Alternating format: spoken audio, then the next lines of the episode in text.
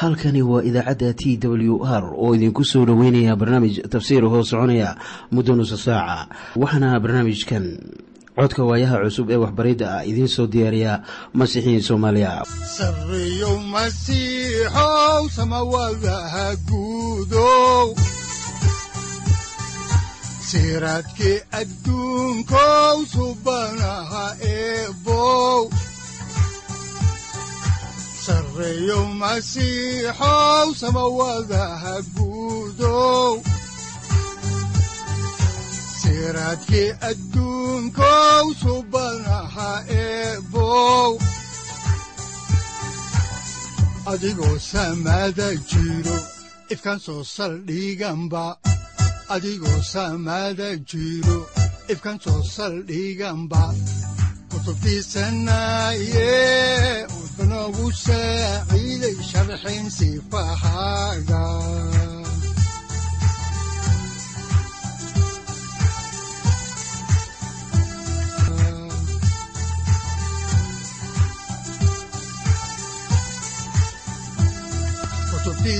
kutubtiisinayow ebanagu saaciid sharxin sifahaaga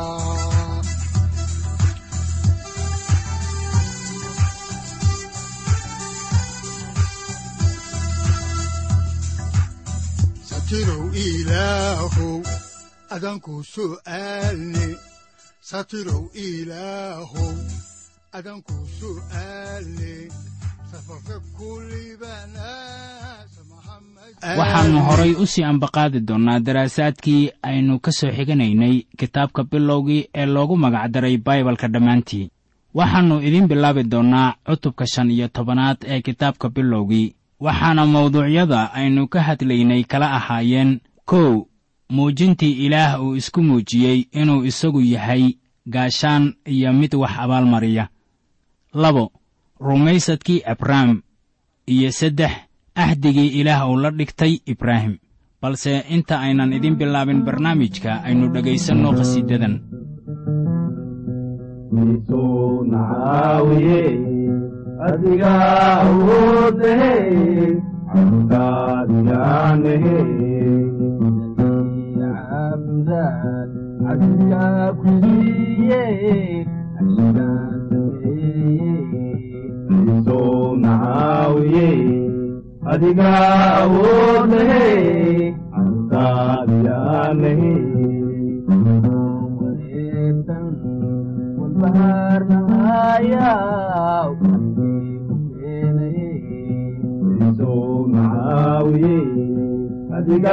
awoodnahe antaadiyaanahe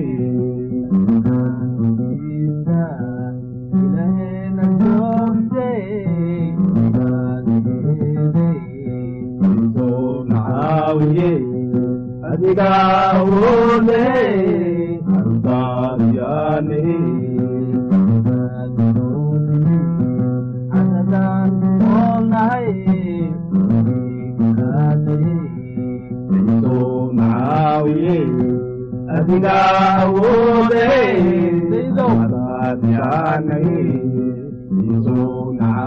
waxay inoo joogtay iyadoo ibraahim uu ku soo guulaystay dagaalkii uu ku qaaday magaalooyinkii sodom iyo gomorra. Waxaan kaloo soo aragnay wadaadkii ilaaha ugu sarreeya oo uu halkaa kula kulmay. Waxaa kaloo la yaab ahayd inuu wax waliba ka siiyey meel tobnaad waxaan kaloo idiin bilownay cutubka shan iyo tobanaad oo waxaan aragnay axdigii ilaah uu la dhigtay ibraahim. Waxaa lagu yidhi sida ku qoran cutubka shan iyo tobanaad aayadda shanaad sida tan. Oo dibaddow u soo bixiyey uu ku yidhi bal samada fiiri oo xiddigaha tiri. Haddaad tirin kartid oo wuxuu ku yidhi sidaas oo kalea farcankaagu ahaan doonaa waa wax la yaab leh in ilaah uu siiyo ninkan ibraahim ah farac sidaas u tiro badan. Waxaan kaloo ognahay in ibraahim markaas uusan lahayn farac weyn iskabaddaa wax uu dhalo ah xitaa hal wiilna ma lahayn. Ibraahim hadalkii ilaah wuu rumaystay. Wuuna ogaa inuu sidaas ahaanayo. Waxaa markaas muhiim ah inaan maanka ku hayno in ibraahim rumaysadkiisii weynaa uu xaq ku noqday isagoo aan ogayn inuu noqonayo quruun weyn ayaa waxaa dhacday inuu haddana ilaah rumaystay. Wuxuu sida xaqiiqada ah ninkanu ahaa mid ilaah aaminsan xag waliboo laga eegaba. Waxaa dhammaantayadaba inoo wanaagsan inaan wada eegno sida habboon ee ilaah rumaysadkayaga u eegayo. Haddii aynu ilaah rumaysanno waxaa caddaan ah in ilaah uu inaga abaalmarinayo waxaa qorninka uu leeyahay oo rabbiguna xaqnimuu ugu tiriyey rumaysadkii uu rumaystay aawgii haddaan horay u sii ambaqaadno kitaabka bilowgii cutubka shan iyo tobanaad ayaa waxaan arkaynaa in aayadda lixaadi ay leedahay oo rabbigu wuu rumaystay ilaahna taas wuxuu ugu tiriyey xaqnimo. Aayaddani waa warbixinta ugu weyn ee ku qoran qorninka. Marka la leeyahay oo rabbiga wuu rumaystay waxaa tan loola jeedaa in ibraahim ilaah uu ku yidhi ilaahow aamiin ilaah wuxuu ku yidhi ibraahim sidaan iyo sidaas baan kuu yeelayaa. Abrahamna wuxuu yidhi waan rumeeyey hadalladaada waayo waa aamin waana rumaysanahay. Waxaana taas loogu tiriyey xaqnimo. Bawlos ayaa tan uga hadlay warqaddii uu qoray ama uu u qoray reer rooma cutubka afaraad aayadaha hal ilaa shan waxaana qoran sida tan. Haddaba maxaynu nidhaahnaa inuu helay ibraahim oo awowgeennii hore ahaa xagga jidhka waayo haddii ibraahim shuqullo xaq ku noqday wax uu ku faano buu leeyahay ee ilaah hortiisa ma aha.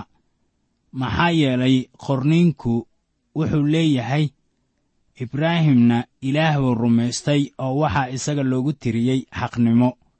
Hadda kii shaqeeya abaalgudkiisa looguma tiriyo sida nimco laakiinse sida qaan oo kale. Laakiin kii aan lahayn rumaysadkiisa waxaa lagu tiriyaa xaqnimo. Aayadda shanaad ee isla warqaddii reer rooma ayaa leh laakiin kii aan shaqayn ilowse rumaysta kan xaq ka dhiga kuwa aan cibaadada lahayn rumaysadkiisa waxaa lagu tiriyaa xaqnimo. Waxaa qoran rumaysadkiisa waxaa lagu tiriyaa wuxuusan ahayn. Waxaana taas loola jeedaa xaqnimo. Ibraahim wuxuu rumaystay oo keliya ilaah. Wuxuuna aqbalay oo keliya wixii ilaah yidhi. Wuxuu kaloo rumaystay ilaah. Sidaas weeye sida aad ku badbaadi karto waa inaad rumaysato in ilaah uu kuu sameeyey shay. In ciise uu kuu dhintay oo uu sare kacay mar kale. Ilaah xaqnimuu kugu magacaabayaa haddii aad aqbasho oo keliya masiixa. Cutubka saddexaad ee warqaddii rasuul bawlos uu u qoray dadka galatiya ayaa waxaa ku qoran run weyn oo la mid ah tii aynu ku aragnay warqaddii rooma waxaa ku qoran warqaddaas loo qoray dadka galatiya cutubka saddexaad aayadaha lix ilaa sagaal sida tan sidaas oo kale ibraahim ilaah u rumaystay oo waxaa isaga loogu tiriyey xaqnimo. Haddaba ogaada in kuwa rumaysadka lahu yihiin wiilashii ibraahim. Qorniinka oo hore u arkay in ilaah quruumaha xaq kaga dhigi doono rumaysad ayaa injiilka hore ugu sii sheegay ibraahim isagoo leh quruumaha oo dhammi adigay kugu barakoobi doonaan. Sidaas daraaddeed kuwa rumaysadka lahu waxay la barakadaysan yihiin ibraahimkii rumaystay. Rumaysadkan ayaa ibraahim ka dhigay inuu ilaah daacad u ahaado. Laakiin kuma uusan badbaadin inuu daacad ahaa isagu. Wuxuu ku badbaaday inuu ilaah rumaystay. Tanina innaga oo dhan ayay muhiim inoo tahay inaynu aragno aynu haddaba ku soo noqonno kitaabka bilowgii oo aan eegno haatan cutubka shan iyo tobanaad aayadaha toddoba ilaa siddeed waxaana qoran sida tan. Oo wuxuu ku yidhi isaga anigu waxaan ahay rabbiga kaaga soo kaxeeyey uur tii reer kaldiyiin inaan ku siiyo dalkan si aad u dhexashid.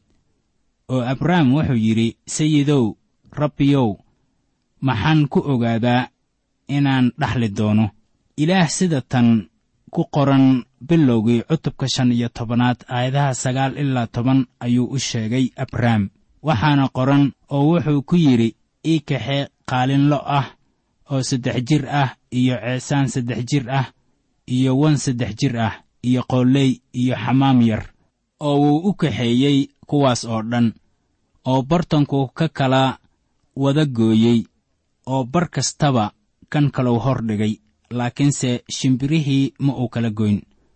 Ilaah wuxuu abrahm ku yidhi waxaad diyaarisaa qurbaan. Waxay ahayd inuu la yimaado qaalinlo ah iyo wan iyo orgi oo uu bartanka ka kala jeexo. Oo markuu sidaas yeelo barhkoodna barka kala saaro. Laakiin xamaamka iyo qooleyda waa inaannu kala jeexin. Laakiin middood baa uu u kala dhigo dhinacyada markii dadku heshiis galayo maalmahaas habkan ayuu ahaa sidii ay u samayn jireen. Waxaa haatan aan arkaynaa in ilaah uu marsiinayo ibraahim xeerkii maalintaas jiray. Waxaa ku qoran kitaabka yeremiyah cutubka soddon iyo afaraad aayadda siddeed iyo tobanaad. Xigasho ku saabsan caadadan taasoo ka jirtay dhulkaas. Ma ahan oo keliya dadkaas laakiin dadkii kale ee maalintaas jiray oo dhan waxaana aayaddaasu ay leedahay oo nimankii axdigayga ku xadgudbay oo aan oofin erayadii axdiga ee ay hortayda ku galeen. Markay weesha laba u kala gooyeen oo ay qaybaheedii kala dhex mareen. Habdhaqankii maalintaas jiray wuxuu ahaa in la qaado qurbaanka oo laba cad loo kala gooyo markaasaa dadku samaynayaan axdiga waxaad haddaba ogaataan in ibraahim wax waliba u diyaariyey sidii tusmada ilaah ahayd. Haddaannu halkeedii ka sii wadno ayaa qidcada xigta ee cutubka shan iyo tobanaad aayadda kow iyo tobanaadi leedahay. Haad baana hilibkii ku soo degtay laakiinse abrahm baa ka eriyey. Tanuna waa wax alaaba dhaca dareen ahaan. Abrahm wax waliba wuu diyaariyey oo markii uu sugayey rabbiga ayaa waxaa yimid haad oo hilibkii ku soo kor degtay. Dukaha iyo dafada ayaa ku soo kordega rakhda. Abrahamna wuxuu halkaas u joogay inuu ka eryo waayo waxay isku diyaarinayeen inay hilbaha ku soo kordegaan haddii aad halkaas joogi lahayd oo aad arki lahayd qurbaankii halkaas yiilay adigoo garanaya caadadii waagaas waxaa laga yaabaa inaad odhan lahayd ee walaal abraamow sida abbaarta ah kii aad la samaysan lahayd heshiiska la arki maayo haatan. Waxaan u malaynayaa inuu soo dib dhacay. Abrahm ayaa laga yaabaa inuu odhan lahaa maya u malayn maayo inuu dib dhacay. Wuxuu igu yidhi oo keliya sii diyaari qurbaanka oo isaguna wuu imaanayaa si uu u ansixiyo heshiiska. Haddaan ku noqonno kitaabka bilowgii ayaa cutubka shan iyo tobanaad aayadda laba iyo tobanaad waxaa ku qoran oo kolkii qorraxdu sii dhacaysay ayaa hurdo aad u weyn abrahm ku soo dhacday oo bal eeg cabsi gudcur weyn leh baa ku soo degtay abrahm hurdo weyn buu la dhacay oo waa seexday. Waxay u muuqataa wax la yaab leh in ilaah uu hurdo ku soo rido markii laga doonayey inuu heshiiska saxiixo. Laakiin heshiiskan waa mid aan caadi ahayn. Ilaah wuxuu doonayaa inuu dhex maro qurbaanka waayo ilaah ayaa wax ballanqaaday laakiin abrahm ma dhex mari doono waayo abrahm waxba ma uusan ballanqaadin abrahm ilaah buu rumeeyey. Intaas weeye wixii ibraahim uu sameeyey. Sidan baa dhacday. Ka hor kun iyo sagaal boqol oo sannadood markii ilaah uu soo diray wiilkiisa ilaaha aabbaha ah intuu dunida jacayl u qabay ayuu soo diray wiilkiisa keliya. Wiilkiina wuu aqbalay inuu yimaado dhulka oo uu u dhinto dembiyada dunida oo ay ku jiraan kaaga iyo kaygaba in mid kasta oo isaga rumaysta oo aqbala oo keliya hadiyaddiisa uusan lumin laakiin u lahaado nolosha weligeed ah. Taasi waxaan ka helaynaa yooxana cutubka saddexaad aayadda lix iyo tobanaad. Anigu halkaas ma aanan joogin kun iyo sagaal boqol oo sannadood ka hor si aan qayb uga qaato heshiiska laakiin ilaaha aabbaha ah iyo rabbi ciise masiix ayaa halkaasi joogay oo wiilkiina wuxuu aaday iskutallaabta wuxuuna u dhintay dembiyadayda waxaa hurdo weyn igu riday dembi. Ma samayn karo ama ma aan qaadi karo ballan. Adiguna sidaas oo kale ayaa tahay. Ibraahimna ballan ama ahdi ma uusan qaadin. Waxaad ka fakartaa in ilaah uu ku yidhi abrahm abraamow haddii aad ballan qaaddo inaad tukanayso habeen waliba sidaan ayaan kuu yeelayaa. Kaba soo qaad in abrahm uu iloobo inuu tukado habeen habeennada ka mid ah. Heshiiskii wuu burayaa. Socon maayo. Sababtaas aawadeed ilaah uma baahna in qaybta abrahm la dhaqangeliyo. Laakiin ilaah wuxuu yidhi waxaan ka soo baxayaa qaybtayda. Wuxuuna dadka weyddiisanayaa inay hal wax sameeyaan. Inay aamiin ku yidhaahdaan isaga. Waxaana taas looga gol leeyahay in ilaah la rumaysto. Waa inaad ilaah rumaysataa oo aad rumaysataa wixii uu sameeyey. Saaxib inaad ilaah rumaysataa waa badbaado. Dhowr sannadood ka hor waxaa jiray haweenay scottish ah oo cunugeedii u dirtay kulliyad ku taalla galagsow wuxuuna ku soo noqday wiilkii isagoon wax aaminsanayn. Wiilkii bay la hadashay waxayna u sheegtay sida ilaah uu u wanaagsan yahay oo ay u hubto badbaadadeeda. Wiilkii dhowr jeer buu ka weecweecday iyadoo taasu ay ula muuqatay daandaansi. Markii dambe ayuu yidhi sidee baad ku ogaanaysaa inaad badbaadday naftaadan yari wax qiimo ah oo ay leedahayba ma jirto wuxuuna bilaabay inuu la barbar dhigo hooyadiis dadyowga kale ee dunida ku nool.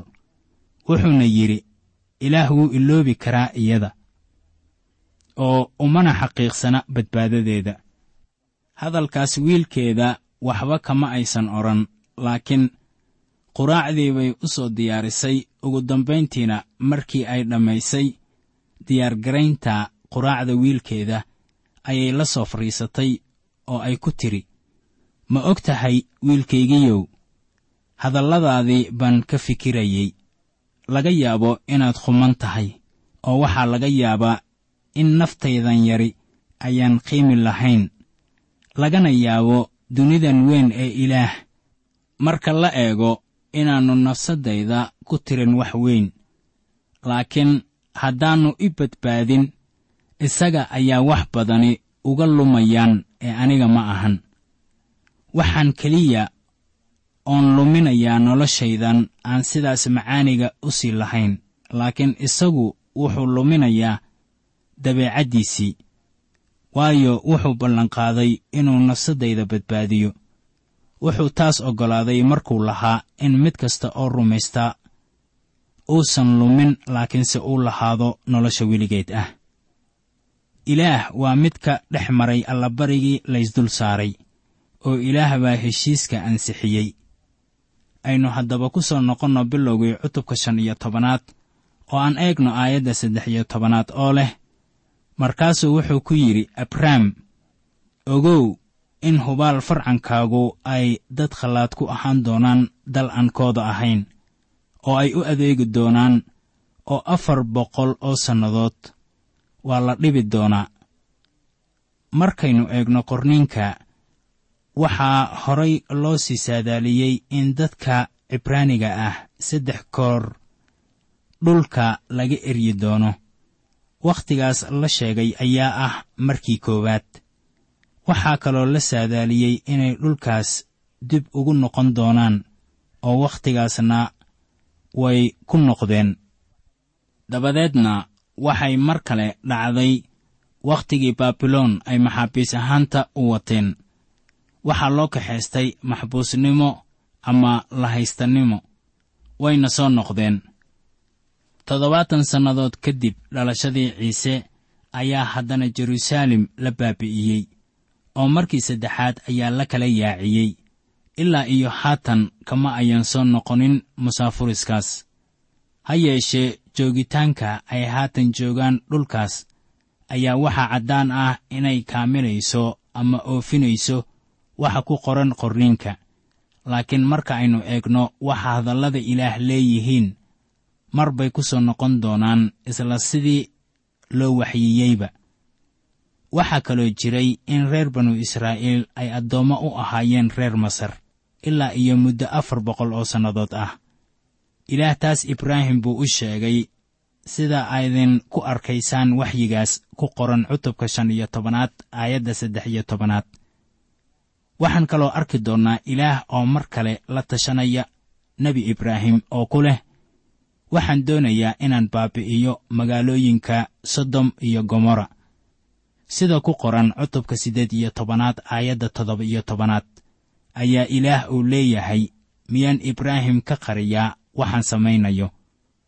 Haddaba ilaah wax waliba wuu u sheegi jiray ibraahim. Waxaanan garanaynaa in qarnigeennan haddii la yidhaahdo faraca reer ibraahim ha la xisaabo inay inagu adkaanayso inaan tirinno. Ibraahim wuxuu noqday aabbaha quruumo fara badan innagoo si adkaynayna maaddadan ku saabsan rumaysadka ayaa waxaa ku qoran warqaddii loo qoray cibraaniyadda cutubka kow iyo tobanaad aayadaha hal ilaa laba iyo toban sida tan. Rumaysadku waa hubaasha waxyaalaha la rajeeyo iyo xaqiiqaynta waxyaalaha aan la arkin. Waayo saasaa loogu markhaati furay waayeelladii. Rumaysad ayaynu ku garanaynaa in duniyooyinka lagu abuuray hadalkii ilaah sidaas daraaddeed waxaa la arko lagama samayn waxa muuqda. Haabiil rumaysad ayuu ilaah ugu bixiyey allabari aad uga wanaagsan kii qaabiil. Sidaas daraaddeed waxaa loogu markhaati furay inuu xaq yahay. Ilaahna waa ka markhaati furay hadiyaddiisii saas daraaddeed isagoo dhintay ayuu weli hadlaa. Enok rumaysad baa kor loogu qaaday si uusan dhimasho u arag. Lamana helin. Maxaa yeelay ilaah baa isagii qaaday waayo intaan kor loo qaadin ka hor ayaa markhaati loo furay inuu ilaah ka farxiyo. Taas aawadeed kan ilaah u yimaadaa waa inuu rumaysto inuu jiro oo uu yahay kan u abaalguda kuwa isaga doondoona nuux oo ilaah uga digay waxyaalo aan weli la arkin ayaa cabsaday oo rumaysad buu ku diyaariyey doonni in reerkiisu uu ku badbaado. Sidaasuu dunida u xukumay uu ku noqday mid dhaxla xaqnimada rumaysadka ku timaada. Ibraahim kolkii loo yeedhay rumaysad buu ku addeecay inuu tago meeshuu ku heli lahaa dhaxalka. Wuuna tegay isagoo aan garanaynin meeshuu ku socdo. Rumaysad buu ku degganaa dhulkii loo ballanqaaday sidii dhul qallaad wuxuuna taambuugyo la degganaa isxaaq iyo yacquub oo ahaa kuwii la dhaxlay isku ballan. Waayo wuxuu filanayey magaalo aasaas leh oo kan dhisay oo sameeyey uu ilaah yahay.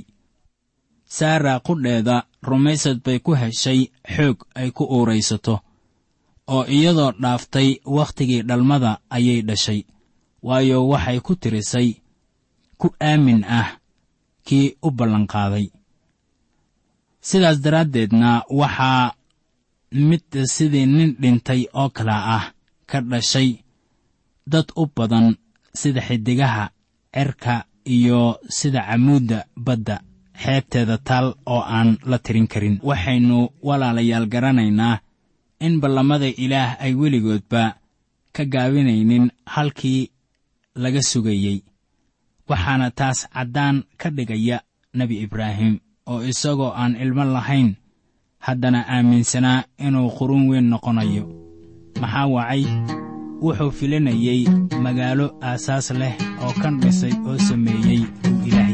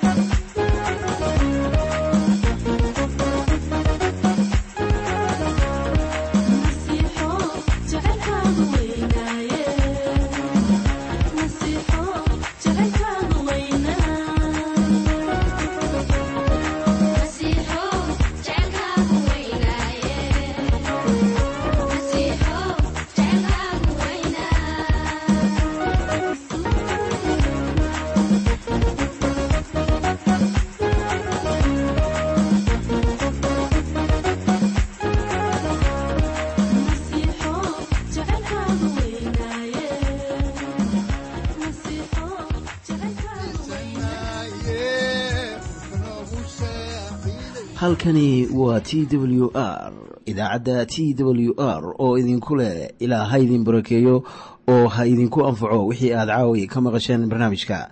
Waxaa barnaamijkan oo kalaa maqli doontaan habeen dambe hadahan oo kale haddiise aad doonaysaan in aad fikirkiina ka dhiibataan wixii aad caawi maqasheen ayaad nagala soo xiriiri kartaan som t w r at t w r c o k e dhegaystayaal haddii aad doonaysaan inaad mar kale dhegaysataan barnaamijka fadlan mar kale booqo www t t b o r g ama www t w r o r g halka sare waxaad ku arkaysaa markii aad gasho language ama luuqadda waxaana dooranaysaa soomaali haddii aad doonaysaan in aad dejisataan oo kaydsataan barnaamijka ama aad mar kale dhegaysataan fadlan mar kale booqo www t t b t w r o r g ama www t w r o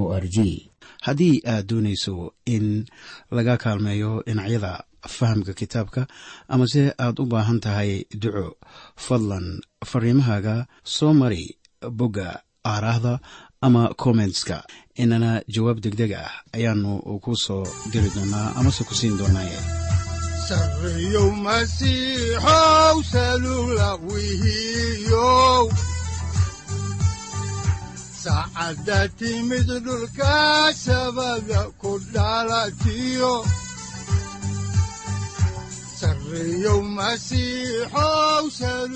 halkani waa t w r oo idiin rajaynaya habeen baraare iyo barwaaqaba leh inta aynu ka gaari doono wakhti aynu ku kulanno barnaamij la mida kan caawayay aad maqasheen waxa aan idinku leeyahay nabadda ciise masiix ha idinku badato xagga jidhka iyo ruuxaba aamiin